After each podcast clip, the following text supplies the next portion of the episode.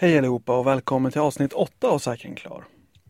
I det här avsnittet får ni höra en intervju med den belgiska klättraren Nicolas Favres som jag gjorde för mer än ett år sedan när han var på besök i Sverige för att visa bilder.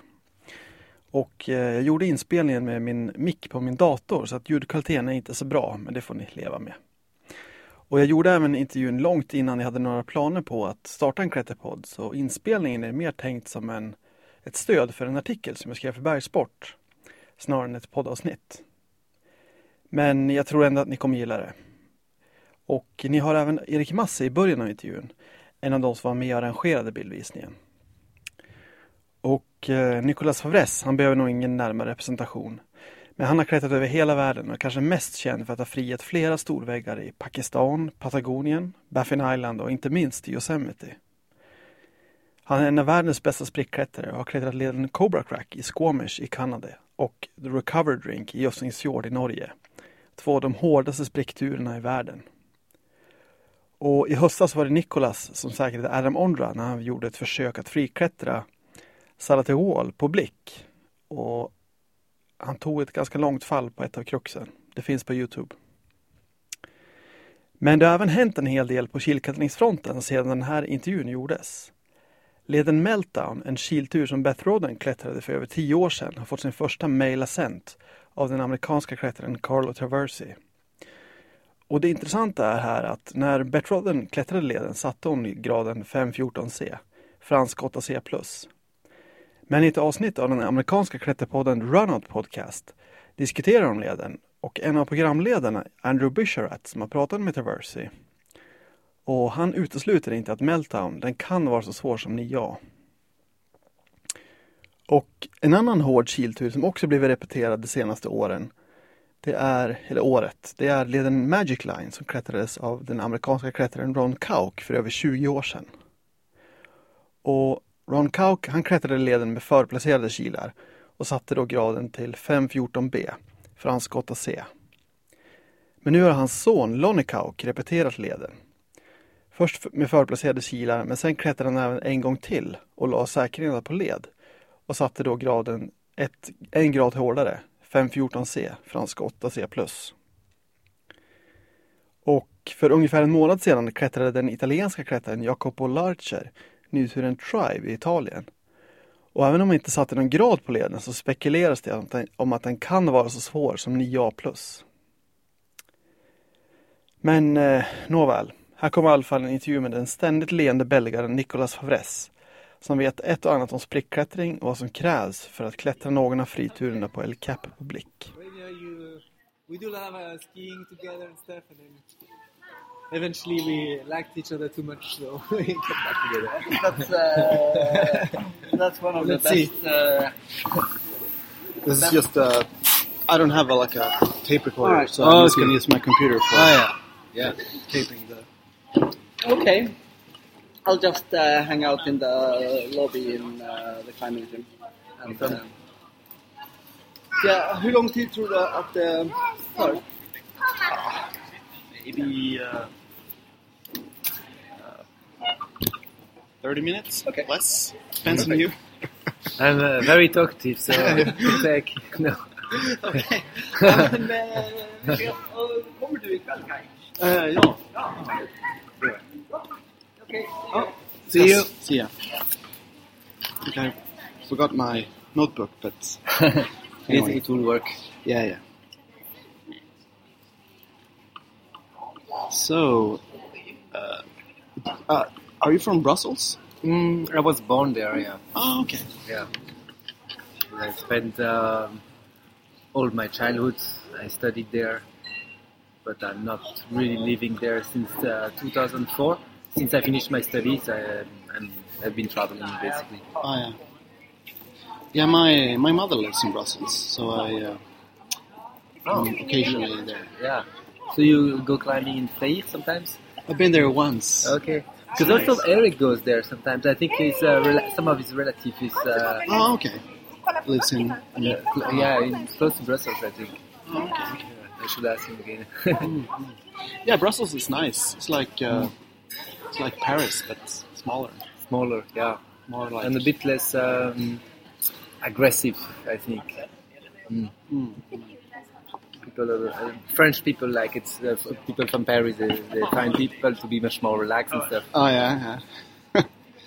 yeah, the French can be a bit. Uh, Yeah. anyway, uh, uh, um, I'm thinking about. Let's start from the beginning. What's uh, you were born in, in Belgium and yeah. grew up in Brussels, kind of. Yeah. Um, my with my parents, we have been always go uh, doing some kind of adventures, uh, holidays. Anytime we had holidays, the priority was to to go in nature, enjoy uh, enjoy yourself. Uh, like most parents, maybe they they would uh, push their kids to first study and then play out. My parents was the opposite: first to enjoy and then study and, and go to school. and uh, yeah, since I was young, uh, all, all our holidays were kind of adventure, mini uh, family expedition where we'd sleep, uh, doing some bivouac in uh, in the mountain. And, um, summer holidays, we would uh, at first my my dad had bought a little Zodiac, and we would go um, in Corsica and, and Sardinia and, and just go for a, a week and sleep on beaches and yeah. That sounds nice. And Very nice. then uh, year, uh, s- uh, one year, my dad uh, decided to buy a, a small sailboat, six meter sailboat, and um, that was really nice because then we had much more autonomy than the Zodiac, so we didn't need to go always back to where uh, Oh, we yeah. we uh, we had the car, and we could go for two months, uh, just going and. and So and it was a, but it was a really small boat, six meter sailboat, and we were uh, in my family we were tr- three kids. My parents, we had dog, and a dog. so we're uh, traveling for two months uh, all together on the boats and sailing across the, the Mediterranean Sea. Nice. We went to Greece, Sicilia, Sardinia, Corsica, and uh, yeah, I guess that's that's where um, I I got uh, into climbing. Me and my brother, uh, we really like to explore caves along the Mediterranean Sea. There's lots of caves, and uh, we would go together and go inside caves and, and try to find um, some some gallery and, and go as deep as possible. And then to go from one cave to another, instead of swimming, we we would climb. Oh yeah. And uh, uh, slowly, we preferred climbing than than than caving. But we had no chalk, no climbing shoes. We just uh, So that's uh, when it started. Your, Yeah. Like interest of climbing, or Yeah, we did that for several years, only on holidays, and was with no chalk, no climbing shoes, just traversing uh, above the water. Um, with my brother, we were three brothers, and with my brother it was uh, the challenge to see who would get the furthest before we would fall into the water. it's like deep water soloing. Yeah, deep water soloing. Okay. Nice. Um, so when when was the moment when you like started like proper climbing or kind of?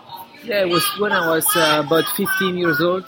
I had a friend in school that uh, was going to a climbing gym and he invited me to go. And um, yeah, as, as soon as I started climbing the gym, I really knew that I liked this. And also, it was a good time because uh, exactly at that moment we had strike in the school system because they were trying to change stuff.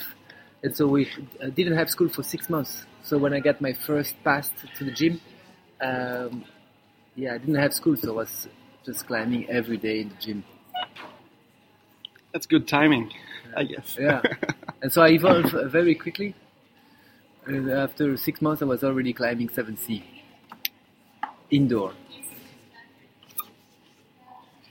Um, and then and then some people from the gym brought me to the cliff uh, outside, and then I climbed more and more outdoors uh, in Belgium. Mm. Yeah, uh, Belgium is not a like a very mountainous country. It's but you have Freyr. Freyr, yeah. Freyr. We actually have about uh, 6,000 routes all over Belgium, southern part of Belgium. But a lot of the I routes, didn't know that. A lot of the routes are um easy and polished. Mm. Um, Freyr has about 600 routes, but we have other uh, other cliffs that have like several hundred routes too, uh, like Marche les Dames, Dave, uh, yeah, few a few other Ah, okay. crags. Yeah. We have a lot of small spots in the forest. Mm. Mm. Uh, and then you kind of evolved to a big wall climber. Yeah. well, I, uh, first time I went climbing uh, indoor, I met Sean, Sean Villanueva, Mm. and um, first time I went outside Belgium for uh, sport climbing, we we went together and we were uh, we quickly understood that we were kind of on the same level. Um, like we really enjoy adventure. Mm. So we would uh, travel hitchhiking. I was already um, traveling with my guitar, and uh, the climbing was fun. But we also really liked the the adventure around climbing. Um, and, and so uh, later on, we yeah we decided let's go try to do some more adventurous climbs. We went to Switzerland. And our first trip to Switzerland was in Ratikon, and we directly went to some pretty hard routes. We were a good sport climber. I was already climbing quite hard, um, so, but we had no experience in long routes and flat climbing. And but we went directly to some of the hardest routes in the Ratikon, and every day we went climbing, we had some kind of epic, uh, either with some storms or uh, with ropes getting stuck in the rappel, uh, overnighting uh, on, on the route, and. uh, but this like is the, this is the part uh, we, we really enjoyed. That it Yeah, was yeah. like we we found that we had a lot of fun uh, with all this epic, and also nobody had taught us to all the stuff. You know, we were improvising basically all the the um, the rope manipulation, and so we were a bit sketchy. And but uh, by doing the mistakes, we we learned. Yeah, yeah. Sounds like a sounds like a good plan, I guess. Learning by doing, I guess. But I was lucky to kind of early on. Uh, I met Sean, and we were on the same page for this, and, and then we had we have been uh, doing lots of expedition together, and we are kind of uh, Mm. with similar uh, taste for adventure. Mm. I think that's kind of lucky. A lot of maybe some people would like to get on some adventure, but it's hard to find the, the right partner. Ah, mm. Mm. And then, uh, could you tell us? Could you tell me about a bit more about uh, the first time going to Yosemite? Because you've been there quite a lot, Yeah, I assume. yeah. Lots of. done, how, how many routes have you done on El Cap? Uh, I think uh, I think it's 13 or 14. Thirteen. Yeah, I, I, am pretty sure I said 13. Uh, is it all uh, free routes or? uh, no, I climbed um, Zodiac 8 and I climbed Lurking Fear I didn't free. Hmm. Um, and then the nose also I didn't free, but I climbed it twice. So I count how many times I, I topped out El Cap. Maybe I didn't climb as many. So I climbed. Uh, wait. Lurking Fear. uh, karate. Yeah, more than ten. I have to take my time to calculate. Uh, yeah, yeah, yeah. But I, I, am pretty sure I said 13 last time I topped out El Cap. Uh, Uh, first time was really for me was uh, um breaking through ex- experience. Yeah, breakthrough experience. Just learning how to crack climb. You know, I was climbing already quite hard when I went to Yosemite, and um, yeah, I understood that uh, crack climbing was a total different kind of world, and and when and it made me understand that if I learn how to crack climb, then it would open. Uh, I would open myself to a whole new world of uh, adventure climbing because most big walls in the world are cracks. So if you can uh, crack climb well, then it's a good skill to have. Um, it was also the first time we slept uh, on, on on some wall, and the first time we climbed El Cap, we brought uh, I brought my guitar and yeah, we had a lot of fun with that. Yeah. Have you? A couple of years ago, uh, I interviewed uh, uh, uh, Joel Steck, this climber, uh, and I asked him about because when he was on his honeymoon, he went to Yosemite, and I think he climbed.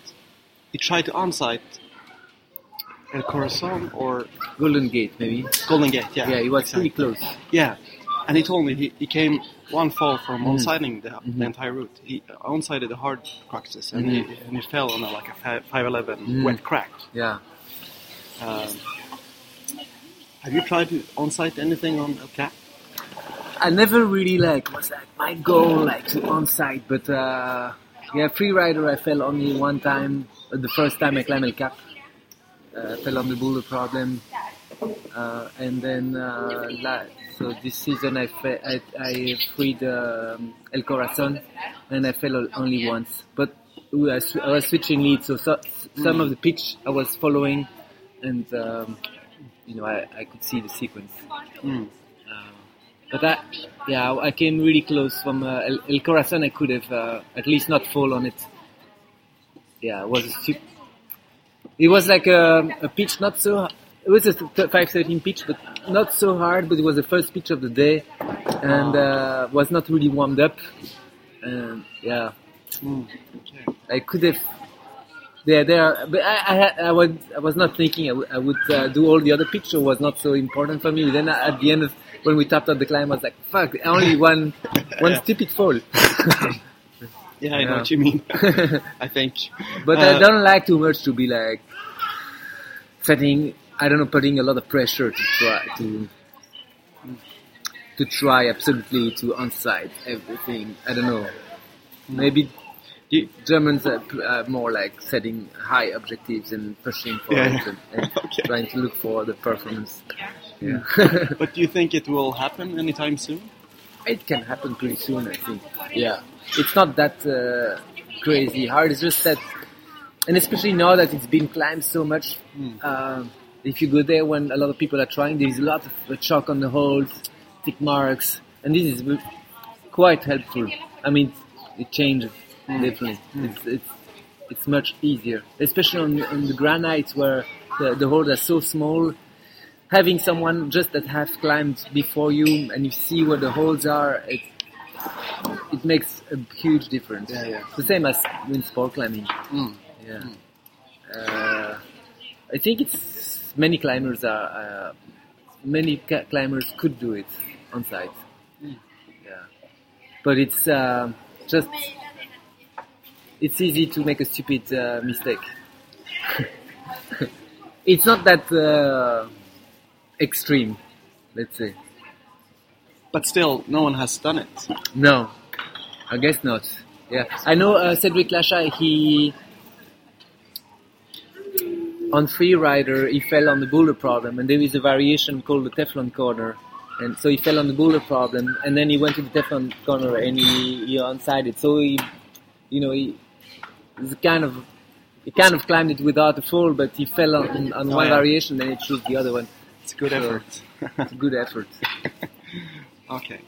Uh, since we're talking about crack climbing, uh, you have done the Cobra Crack Yes. in Squamish, and you've done that that uh, in Jøssingsfjord Yes. in Norway. Yeah. What's it called? It The recovery drink. Uh, very nice. I haven't been there, but I've seen I've seen pictures. So. Mm. Uh, is it harder than the Cobra Crack? Yeah, I think it's. I, for me, I think it's harder. I mean, it's all subjective, but uh, I, I I think it's harder. Yeah. It's. It, I was quite. I. It's the kind of. Uh, it's hard to find some hard lines that you can cracks that that it's possible and that you can protect yourself. Uh, it's quite unique. So I was yeah, when I found this line, I was really psyched. And, uh, yeah, I spent two two trips there. Uh, first trip I was pretty close, but the difficulty there is the weather. The weather. Uh, I mean, every time I went there, we had a lot of bad weather, and you can wake up uh, in perfect weather, and then 20 minutes later it's raining, and then 20 minutes later it's again good weather. The weather changes really quickly, so that's kind of a mind fuck. Uh, dealing with the weather and trying something uh, that hard. Oh yeah, yeah, I know. It's uh, it's Norway. yeah, Um, because uh, Beth Rodden, she has climbed a route in Yosemite called Yeah, Meltdown, Meltdown. Very, very steep crack as Yeah. well. not so steep, Not so steep. not so steep, slightly overhanging. Oh, okay. Yeah, very nice. Have you tried that? I tried. Uh, yeah, I tried one time. Yeah. Has it been repeated? I don't think so. I don't think so. It's a beautiful, really beautiful pitch. Um, very different style uh, than the Cobra Crack or recovering. It's more like um, very thin and on the feet, but a be- really beautiful, uh, beautiful climb. Yeah. So which one do you think is the hardest like crack climb in the world? Could it be like your route or or Meltdown or it's different style. I, I, I didn't try enough meltdown to um, you know to, to know it. You know, it's the kind of climbing that maybe if you do the yeah, if you, if you can uh, get the move or um, well, maybe it's, not that bad. But I don't know. I think they are both pretty hard uh, between meltdown and and, uh, and recovering and and the Cobra Crack. Yeah. I don't know which one is harder. Ah, okay. But I, I, I, I'm pretty sure between the recovery drink and the Cobra Crack, recovery drink is harder. But meltdown, it would be hard to say. Also, it's, uh, as I say, it's uh, such different kind of style of climbing. It's hard to compare. And I haven't done it, so.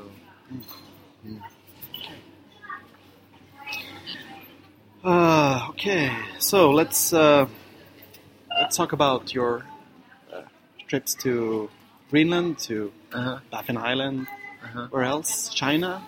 China, been to Pakistan, um, Patagonia, Venezuela. Uh, Everywhere. not everywhere, but yeah, a few places. yeah. so, uh, which uh, what was your most recent trip? Was it to? Um, it was in Patagonia last winter. I mean, uh, or I was, no, I was also in this fall in Yosemite, and then last summer in uh, South Africa. But it wasn't really a big expedition. Well, I we're going to try, try to do some uh, open some some nice uh, new routes, but my partner after three days uh, he had a really bad fall. So then, um, yeah, I lost uh, my partner. Okay. oh, he, he, he survived. Uh, He's- he's alive, Yeah, yeah, but- he's alive. Okay.